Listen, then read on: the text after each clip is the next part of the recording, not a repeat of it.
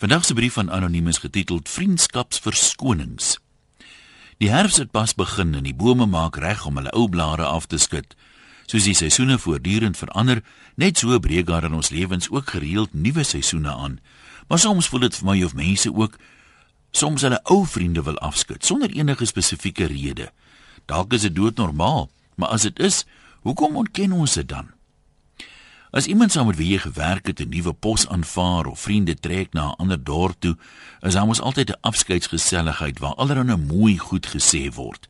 Amper soos wanneer iemand doodgaan, dan verdwyn die persoon wat weggaan se foute eensklaps en sy waarde as vriend of kollega styg tot nuwe ongekende hoogtes. Soms vee iemand selfs 'n traan af en beloof plegtig om gereeld bymekaar te kom. Ons gaan nie kontak verloor soos wat ander mense gewoonlik maak nie.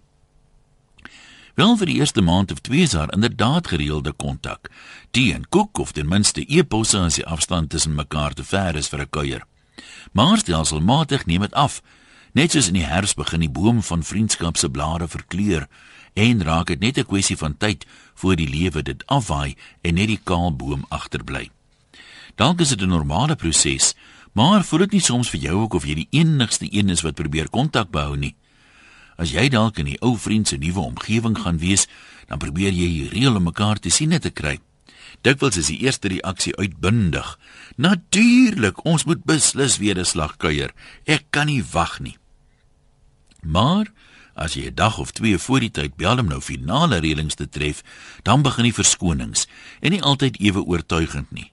Toevallig het die kinders een of ander projek wat die volgende dag ingehandig moet word of dis nou jammer dat ons nou juis die naweek weggaan. Wel toevallig sou ons hierdie dorp ry waarheen die weggaan sou plaasvind. Dan werk alles mos mooi uit sê ek. So dan kan ons iewers ontmoet vir koffie. Maar nou moet die verskonings aangepas word. O, eintlik is ons nog nie seker hoe laat ons ry nie. Dalk eers die middag. Uh, ons moet ook eers inkopies doen. Miskien moet ons dit liewer 'n volgende keer maak.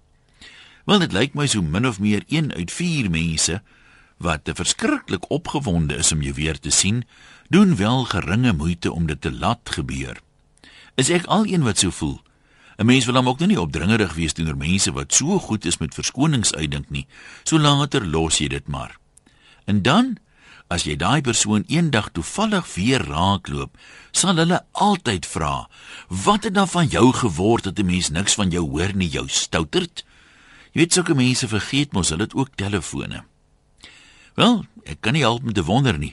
Kom maar na die herfs en so vriendskap weer 'n lente of blom vriendskap net eenmal. Groete van oor tot oor. Anoniem.